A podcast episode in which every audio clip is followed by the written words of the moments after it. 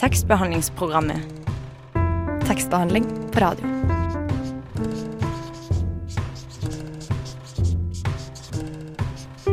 Tekstbehandlingsprogrammet.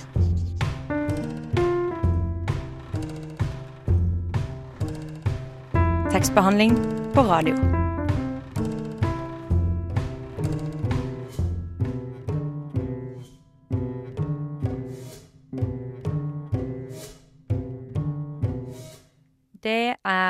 Er og du hører på tekstbehandlingsprogrammet på Radio Nova. I dagens sending skal vi ha en eh, blanding av deilig musikk, bokanmeldelser og til og med et lite hørespill. Vi får besøk av en gjesteanmelder denne uka, og det er Mari Horn Bolseth, som skal anmelde boka De som ikke finnes av Simon Stranger.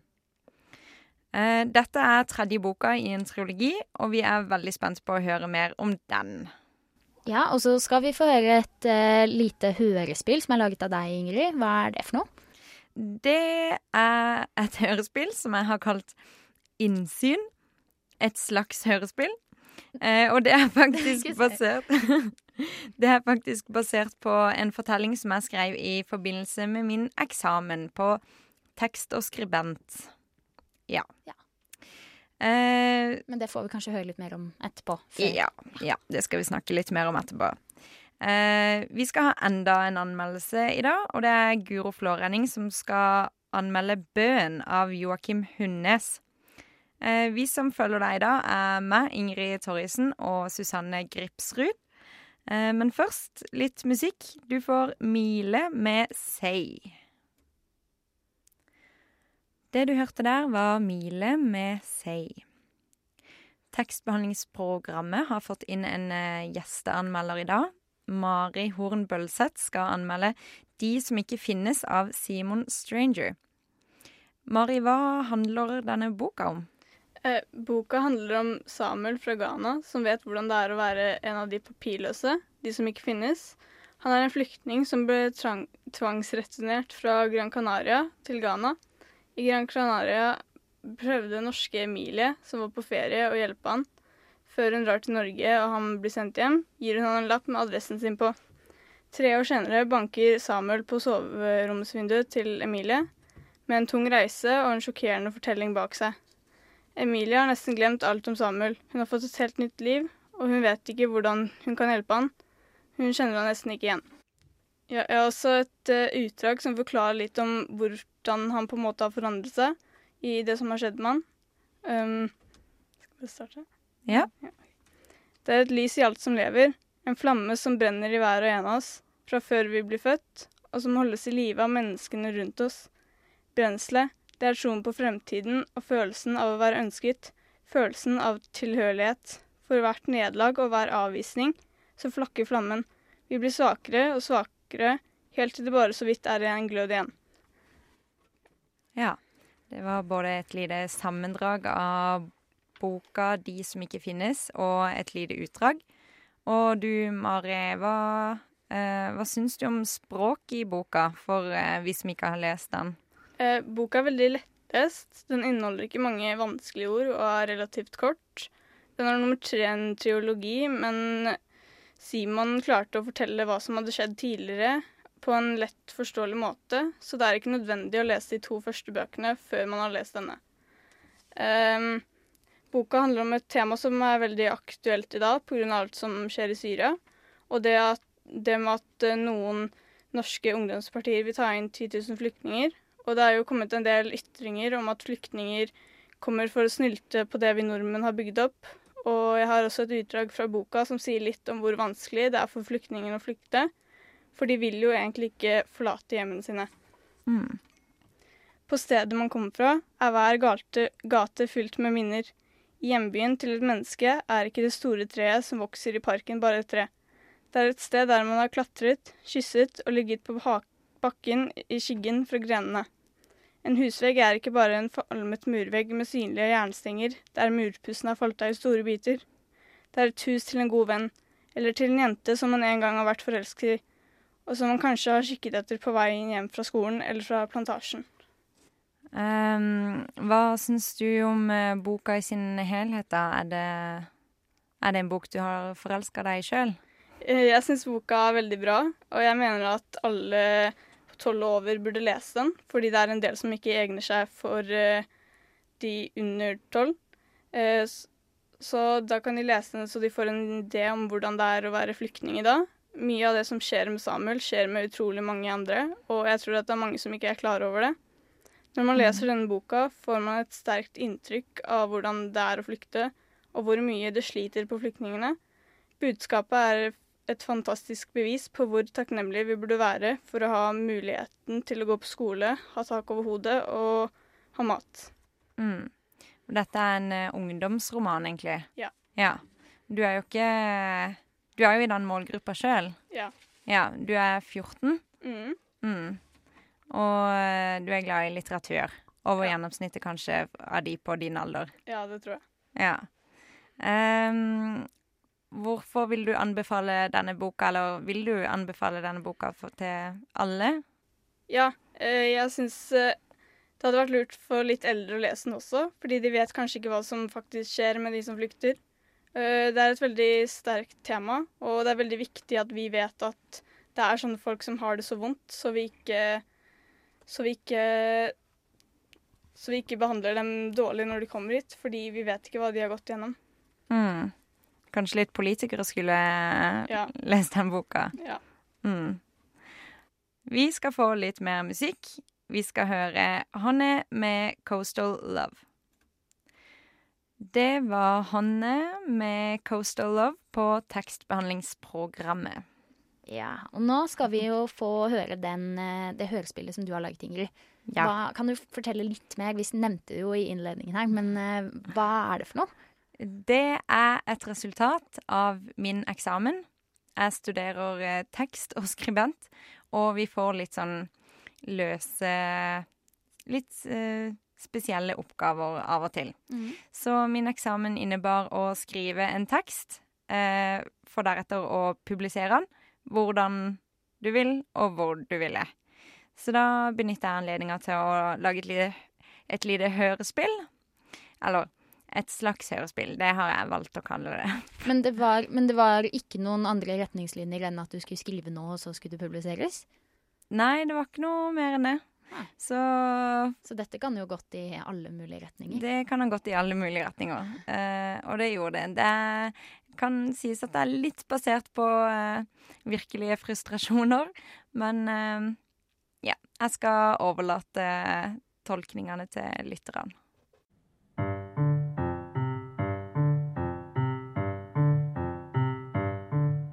Som regel søker jeg dekning i et hjørne av sofaen. Du skjønner, jeg har gardiner over vinduene, så jeg kan oppholde meg i deler av stua med åpen kjøkkenløsning usett fra utsida. Jeg kan sitte i sofaen usett, jeg kan sitte i lenestolen, jeg kan sitte på pianokrakken, jeg kan ligge på gulvet. Men noe jeg ikke kan gjøre, jeg kan ikke stå ved kjøkkenbenken usett. Fordi døra ut til balkongen er av glass, og over den er det ingen gardiner. Skjønner du problemet mitt? Jeg kan ikke lage mat til meg sjøl uten å stå på utstilling. Sånn at Torunn kan gjøre narr av det jeg spiser. Sånn som i går. Så fikk jeg lyst på pizza til frokost. Jeg bestemte meg for å gå for det, men jeg klarte liksom ikke å kose meg med det like mye som jeg burde gjort. For det Torunn Torunn ser meg. Hun dømmer meg. Det vanskeligste er kanskje ikke det at hun kan se meg. Det er ubehagelig nok i seg sjøl, det, men det er følelsen det gir meg. Hun tenker sikkert at jeg er en ynkelig dagdriver som ikke har lyst til å gjøre noe annet enn å spise pizza til frokost og se på TV-serier hele dagen. Stopper hun noen gang opp og tenker at jeg kanskje har en kveldsjobb? Jeg kunne hatt en kveldsjobb.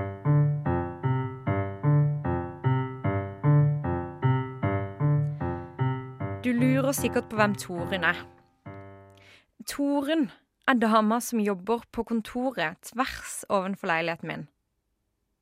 Torunn er navnet jeg har gitt henne for å prøve å ufarliggjøre henne på en måte. Liksom gjøre henne litt mer familiær. Sånn at jeg kan komme ut i stua med åpen kjøkkenløsning om morgenen og si høyt Hei, Torunn! Men det har ikke gjort noe særlig forskjell. Og hun tror hun er så viktig. Hun sitter alltid med sånne svære høretelefoner med mikrofon og snakker med folk i andre enden.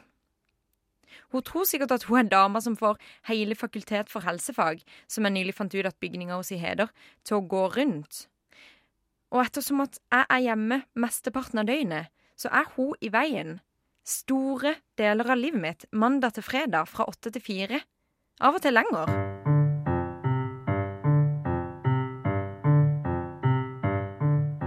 Over 60, nærmer seg pensjonsalder. Har jobba som kontordame hele sitt yrkesaktive liv, helt sikkert. Hun har grått, gammelt hår, men har det allikevel i en sånn kjempelang flette nedover ryggen. Det er de damene som aldri vil gi slipp på den lange fletta. Hun har sikkert ikke hatt strikken ute siden tidlig på 80-tallet. Du kjenner typen? Hun er helt sikkert ei OK dame, det, det tviler jeg ikke på. Men hun gjør livet mitt til et helvete. Hun hindrer meg å trives på mitt eget kjøkken. Hun hindrer meg å spise pizza til frokost med god samvittighet. Hun hindrer meg å bevege meg utafor soverommet mitt i truse. Man vet ikke hvor høyt man setter pris på sånn før man blir frarøvet muligheten. Men dette er jo bare rent praktiske ulemper. Det er mangler jeg kan leve med og samtidig bevare en akseptabel livskvalitet. Det verste Torunn gjør, som du sikkert skjønner, hun gir meg mindreverdighetskomplekser. Hun får meg til å føle meg skikkelig slaskete. Jeg har brukt en del tid på å tenke alternativ problemløsning. Et alternativ vil jo være å flytte, noe som ville være trist med tanke på at jeg har funnet en leilighet som jeg liker veldig godt. En annen strategi jeg har vært inne på, er å stå i vinduet og stirre på henne, helt til hun drar for sine egne gardiner. Eller jeg kunne hengt opp en svær plakat i vinduet med en eller annen høflig, men klar beskjed om å bare se vekk. Men nå vet jeg hva jeg må gjøre. Det kom til meg som i en drøm. Nesten. Det jeg blir nødt til å gjøre, jeg må finne ut hvem Torunn egentlig er. Jeg må finne ut hvem hun er, sånn at jeg kan finne ut hvor hun bor, sånn at jeg kan dra til huset sitt på ettermiddagen, stå utafor og luske inn i hos sitt hjem. Sånn at jeg kan observere Torunn i sine private, blotta slaskete omgivelser. Og sånn at hver gang hun ser meg i mine, så kan jeg tenke du er jo bare et menneske. Jeg har sett deg. Bare på den måten kan jeg utjevne maktbalansen og gjenvinne en viss verdighet i min hjemmeværende eksistens. Jeg må finne ut hvem Torunn egentlig er. Jeg tar på meg sko, jakke og briller og går ut. Ute regner det, og jeg småløper de få meterne bort til Fakultet for helsefag. Ei dame bruker nøkkelkort for å åpne ytterdøra, og helt ubemerka smetter jeg inn bak henne. På innsida av døra er en slags resepsjon, men personen bak skranka står med ryggen til, så jeg går raskt forbi. Jeg vet at kontoret til Torunn ligger i andre etasje, så jeg leter etter trappa til jeg finner den og går opp. Oppe er en korridor med dører på rad og rekke. Jeg hører mennesker fra flere retninger, men jeg ser ingen. Jeg regner meg fram til hvilken dør som jeg hører til vinduet hos sitt, og går innover i korridoren. Døra hos er åpen, og det er to personer som prater sammen der inne. Jeg tar en lynrask titt på dørskiltet før jeg bråsnur og jogger tilbake hvor jeg kom fra. Det er nesten som om det tar noen sekunder før hjernen min oppfatter hva som sto på skiltet. Birgit Lange. Professor. Jeg løper ut og tilbake til leiligheten min. Jeg lander i sofaen med høy puls etter den intense tokta. Det hele tok rett over to minutter, men adrenalinet tar nesten knekken på meg. Professor. Kødder du med meg? Er min, Torunn, kontordame for alltid professor? det lille snevet av stolthet over at jeg en gang skal bli noe mer enn en kontordame. Den lille stemmen i hodet mitt som har trøsta meg og sagt hun er bare en kontordame, hun er ikke så mye bedre enn deg. Den brister. Jeg angrer på at jeg noen gang snek meg inn på Fakultet for helsefag. Jeg vil tilbake til det overfladiske, overkommelige forholdet jeg hadde til Torunn. Alt var så mye enklere da hun bare var en gråhåra, minstebetalt kontorrotte. Nå er det ikke lenger noe tvil om hva jeg må gjøre. Jeg må se denne dama i sokkelesten.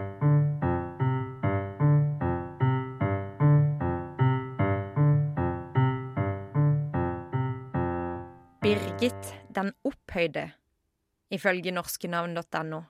Og det er ingen stor overraskelse, men den overlegne kjerringa der. Nå som jeg vet hva hun heter, kan jeg google meg fram til alle mulige andre opplysninger. Jeg blir litt trist etter hvert som jeg leser og oppdager nye og ukjente nyanser med dette mennesket som har vært en del av livet mitt, og som jeg har trodd jeg kjente i snart to år. Hun er professor i fysioterapi, doktorgrad og alt. Hun har skrevet fagbøker og en million artikler om hjerneslag. Herregud, for en viktig Per. Hun er 65, og hun bor i Bærum. Jeg finner ut at det tar meg 53 minutter å dra fra mitt hjem til hos sitt hjem. Men jeg må vente til arbeidsdagen hos henne er over.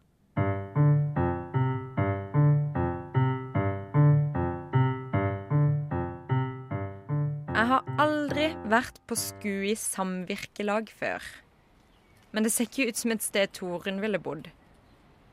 Bare Birgit. Huset sitt er stort og grått. Jeg gjør en rask, diskré undersøkelse rundt det. Jeg ser ikke noen mennesker i noen av rommene. En benk på andre sida av gata har brukbar utsikt mot et av stuevinduene, og jeg setter meg ned for å vente. Benken er langt nok unna til at jeg ikke føler at jeg åpenlyst invaderer noen. Men for sikkerhets skyld tar jeg fram avisen som jeg har klippa to små hull i, og holder den opp foran ansiktet. Jeg sitter der i kanskje 15 minutter før øynene mine faller på noe som beveger seg. Det er noen som kommer inn i stua. Jeg kunne kjent igjen fletta på mils avstand. Jeg legger vekk avisen og spaserer rolig over gata bort til et tre, og tripper langs den lille gressflekken mot vinduet. Jeg setter meg på huk og rigger hodet sånn at det ene øyet ser rett over kanten av vinduskarmen. Der sitter hun. I sofaen. Jeg hadde tenkt å forholde meg seriøs og profesjonell, men når jeg ser henne sitte der, kjenner jeg en seiersrus boble inni meg. Hun ser minst like ynkelig ut som meg. Fletta henger nedover ryggen hennes som en grå, drukna ilder. Hun har tatt en ulljakke over blusen og dratt et hekla lappeteppe over knærne. Og ved siden av henne i sofaen har hun en bolle med ostepop. Ostepop. Hun ser på noe på TV. Jeg kan ikke se hva det er. Kanskje en TV-serie? Kanskje Birgit har fått fullstendig dilla på en eller annen TV-serie? Hun ser så liten ut der hun sitter. Så avvæpna og aleine på en fredagskveld. Nå som endelig ser henne i sine private, blotta og slaskete omgivelser, vet jeg liksom ikke helt hva jeg skal gjøre med det. Den sterke vandettatrangen som førte meg til hjemmet sitt, føles litt klam. Det kan jo være at hun har viktigere ting å gjøre enn å registrere matvannene mine og loggføre timene mine foran TV-en. Jeg vet ikke. Den voldsomme maktkampen jeg har kjempa de siste timene, begynner å virke mm, diffus. Beina mine holder på å sovne under meg, og det har blitt kjøligere i lufta. Jeg får egentlig lyst til å bare la Birgit være i fred. Jeg hever hodet noen få centimeter over karmen, sånn at jeg ser føttene hos sine under stuebordet. De er lyseblå med små, hvite prikker.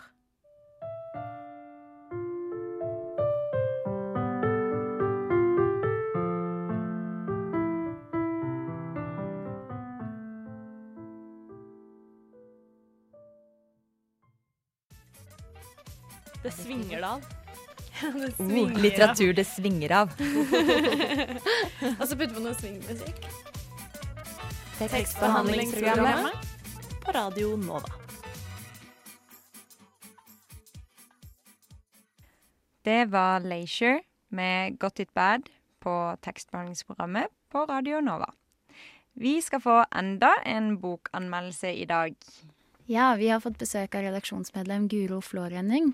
Og du skal lese, eller anmelde, en eh, bok av Joakim Hunnes som heter Bøen. Og det er Hunnes sin andre utgivelse. Han har tidligere gitt ut en bok med navn 'Alle vet hvem du er'. Mm.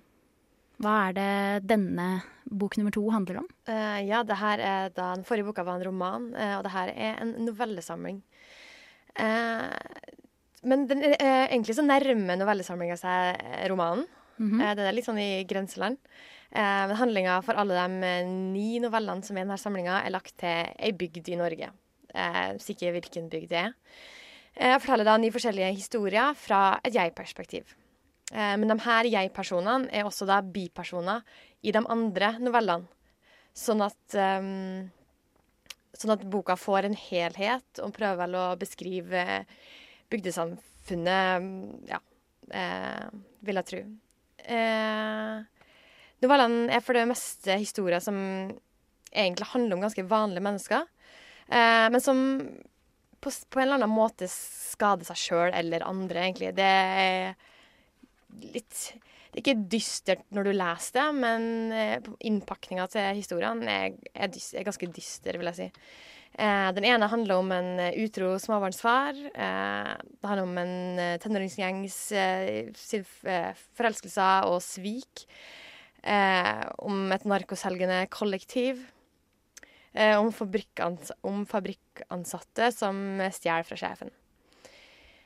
Eh, men selv om novellene er skrevet ut ifra et jeg-perspektiv, og mange opplever og gjennomgår eh, uforanderlige og veldig viktige hendelser, så kommer man ikke som leser veldig tett innpå eh, personene og følelseslivet, føler jeg, da. Eh, språket er veldig nøkternt, eh, men jeg syns egentlig det er veldig fint. Jeg liker Han skriver veldig godt, og det er veldig, det er veldig spennende. Det er, liksom, det, er, det er veldig lett å, å følge med. Eh, og ja, veldig, ikke pompøst, akkurat. Veldig, veldig nøkternt. Um, mm. Men det med at eh, Hva skal man si med at eh, man ikke kommer så tett på personene, er det noe positivt, eller er det negativt? Jeg syns det er negativt. eh, I hvert fall i det store og hele. Det er en ting at eh, språket er nøkternt. Det, er det syns jeg egentlig er ganske fint. Det, du, det er ikke sånn at man nødvendigvis trenger å utbrodere eh, følelsene. Men det som er største problemet her, syns jeg, er at at de virker så endimensjonale, de eh, karakterene. da. De, de blir litt sånn stereotypisk. Og dermed så blir det veldig Derfor så klarer jeg ikke å tro helt på at de er ekte mennesker. da. Og derfor klarer jeg ikke å komme helt inn på dem. Eh, tenker jeg at det blir, veld, det blir en avstand der, så det er spennende å lese om det, men du føler at, jeg føler at jeg har lest, lest det før. At denne historien her er ikke, er ikke så veldig unik. da. Det er bare er skrevet av en annen person i en annen, i en annen samling. Ja, For det er litt sånn at de har få egenskaper, nesten, da, hver person. Ja, men det er jo, ikke, det er jo eh, grensa for hvor mange egenskaper du kan få fram da, på eh, elleve sider i en novelle. Ja, for de er omtrent like lange, alle novellene. Det Ja, sånn, Bortsett fra den siste, som er ganske lang, og som er egentlig, egentlig litt i retrospektiv. Eh, som skal forklare litt mer av det som har skjedd før. Men samtidig da, så har hun allerede vært gjennom jeg vet ikke hvor mange mennesker. 15-20 forskjellige. Eh, og det er veldig vanskelig å huske på alle når det blir så mange eh, historier og så mange mennesker. Eh, så jeg syns kanskje har gjort seg Hvis du først skal liksom prøve å få det her til å Eller det skal funke da med at uh, at, bi, at jeg-personene blir bipersoner, og at det på en måte fører til en ny dimensjon, så føler jeg at det, det burde ha vært færre av dem, sånn at man faktisk klarer å skjønne hvem alle de her bipersonene er da, i forhold til hverandre. Eh, sånn at det klarer ikke helt å gi den ekstra dimensjonen, da, som f.eks. Carl Frode Tiller gjør helt fantastisk i Innsirkling-triologien. Eh, der du får en helt ny Du får en dimensjon i, i tillegg når du hører om eh, en annen person sitt syn på den, den første eh, den første personen. For han gjør litt av det samme, men det er med færre personer og selvfølgelig mange flere ord. Men også en helt annen måte å beskrive det på, da, så at karakterene virkelig eh, gir noe mer da, enn bare det, den spenninga som ligger der i historien. Men du, får, du klarer da å komme nærmere eh, å forstå men, ja, menneskesiden sine, for å si det litt sånn pompøst. For det her blir litt, det blir litt for Det er veldig lettlest, det, men det blir kanskje litt for lettlest. Eh, det var, ja, det var helt fint og OK å komme seg gjennom det, men jeg sitter ikke igjen med så veldig mye mer enn det, da. Um, så er det noe du ville anbefalt, eller er det litt sånn Det kom litt an på? Sånn ja, jeg hadde en helt fin opplevelse med å lese denne boka her. Eh, og den er ganske Ja, den er grei å komme seg gjennom. Og fint å lese noveller før du legger deg, tenker jeg. Men jeg tror ikke helt jeg er helt med på prosjektene. Så det virker litt sånn halvveis eh, med det her med å få det til å bli en ordentlig helhet og si noe mer da, enn bare historiene. For det tror jeg absolutt det er potensialet til å gjøre, det, å si noe mer om bygdesamfunnet eksempel, eller hvilket som helst samfunn, eller om, om mennesker da, som eh, gjør dumme ting, og hvordan det påvirker folk rundt dem. Da. Det blir litt for, langt, litt for lang avstand. Du hører på tekstbehandlingsprogrammet på Radio Nova, og låta du hørte, var 'Malukai' av Bwangwana. Vi har tatt eh, et lite dypdykk i arkivet vårt, og nå skal vi få høre et lite tilbakeblikk fra da Maria Lokna tok en tur på diverse offentlige toaletter. Innslag som dette er nemlig det vi kaller tidløse.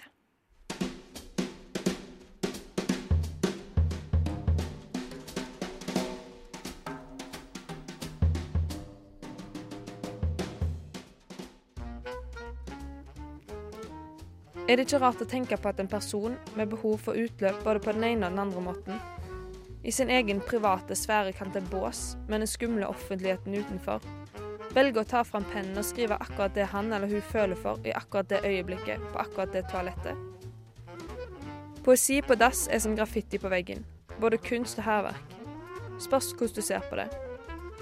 Kan vi kalle det en slags undergrunnslitteratur? Jeg tok en tur på ulike offentlige toalett for å finne ut hva som gjemmer seg der.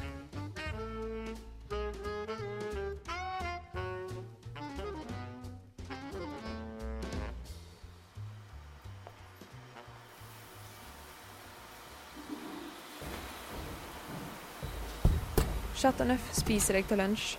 PS. Dagens er veldig billig. Litt som mor di. Mor di er ei hore. Proceed to the seed. That pod. That is your head.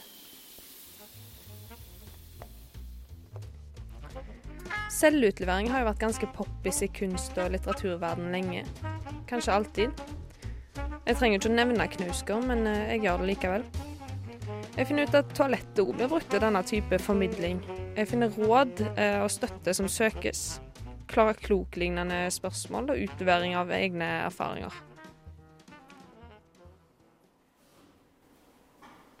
Jeg trenger hjelp. Jeg er sammen med en type som jeg elsker. Vi har vært sammen en stund nå. Jeg føler at vi har kommet til det stadiet om hvor det hele oss skal gå til og bli til. Vi er begge snart 30 år, og jeg vil ha barn og flytte sammen. Han vil ingen av delene verken nå eller i fremtiden. Han sier at han elsker meg, men det kommer aldri til å bli noe mer enn det. Hjelp, hva gjør jeg? Skal jeg gi han mer tid, eller skal jeg gå videre med livet mitt? Pikken til kjæresten min går ikke opp, men det er kanskje et overfladisk problem. Been there, men det går over. Det tar ofte litt tid. Han er sikkert litt usikker på seg sjøl når han er med deg. Med tilliten kommer reisningen. Noen som har gode tisselåter, må bytte ut Eminem en gang iblant. Ja, men hvor skal vi mense og bæsje om ikke på jentedoen? Her er det jo faktisk en uh, sånn uh, tabell der du kan krysse av. Og her har det sittet 15 skinker på dette setet, ifølge tabellen. Du kan si hva du vil om røyking, men det er fortsatt et utrolig bra avføringsmiddel. Hvorfor virker det som om hjernen min er mye treigere enn alle andre studenter? Uh, Jeg lærer fortere, men jeg er bipolar. Alle lærer forskjellig. Faen, tomt for dopapir. What to do, what to do. Jeg finner ut at et element som preger dopoesien, er at det er åpent for å redigere, kommentere og ikke minst fortsette på det andre har skrevet. Det er litt som en eh, vandrehistorie.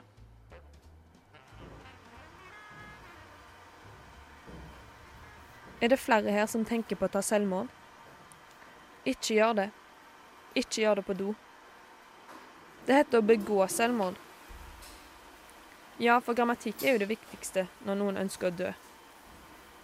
Det er et spørsmål om ordvalg, ikke grammatikk. Nå har snøen begynt å falle, og faen ta alle.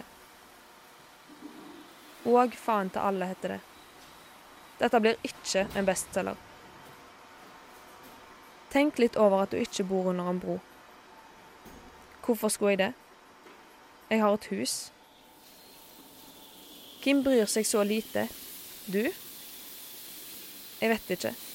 På en skala fra én til ti, hvor trist er du akkurat nå? Du er en latent betennelse, og såret har grodd puss infiltrert i ei skarpe som flerres opp med sporadiske mellomrom. Og jeg er bleik, bleik. Free your mind, and the rest will follow. Doen er mitt fristed.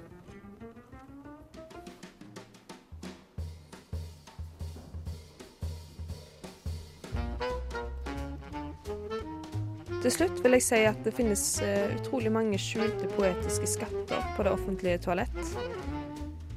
Eh, dypt eller ikke dypt, det spørs hvordan du tolker det.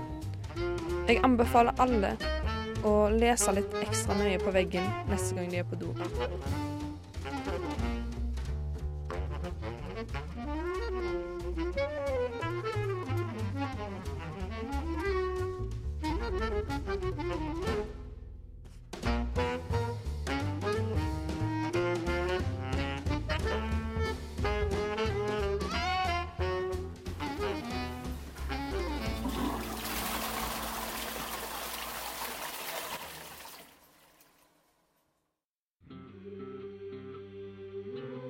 Tekstbehandlingsprogrammet når du vil lese med øra.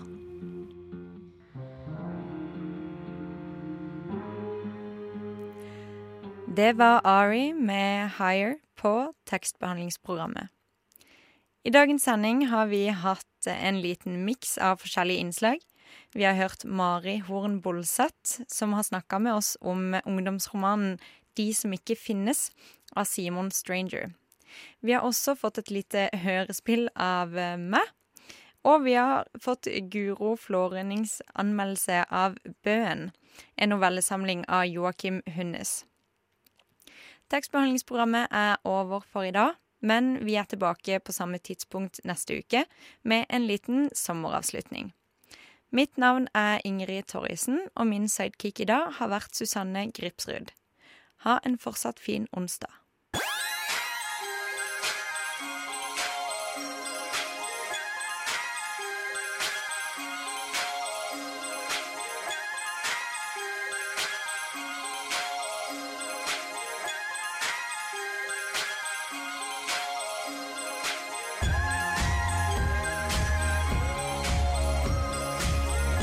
Siden 1982 har Radio Nova gitt deg favorittmusikken din.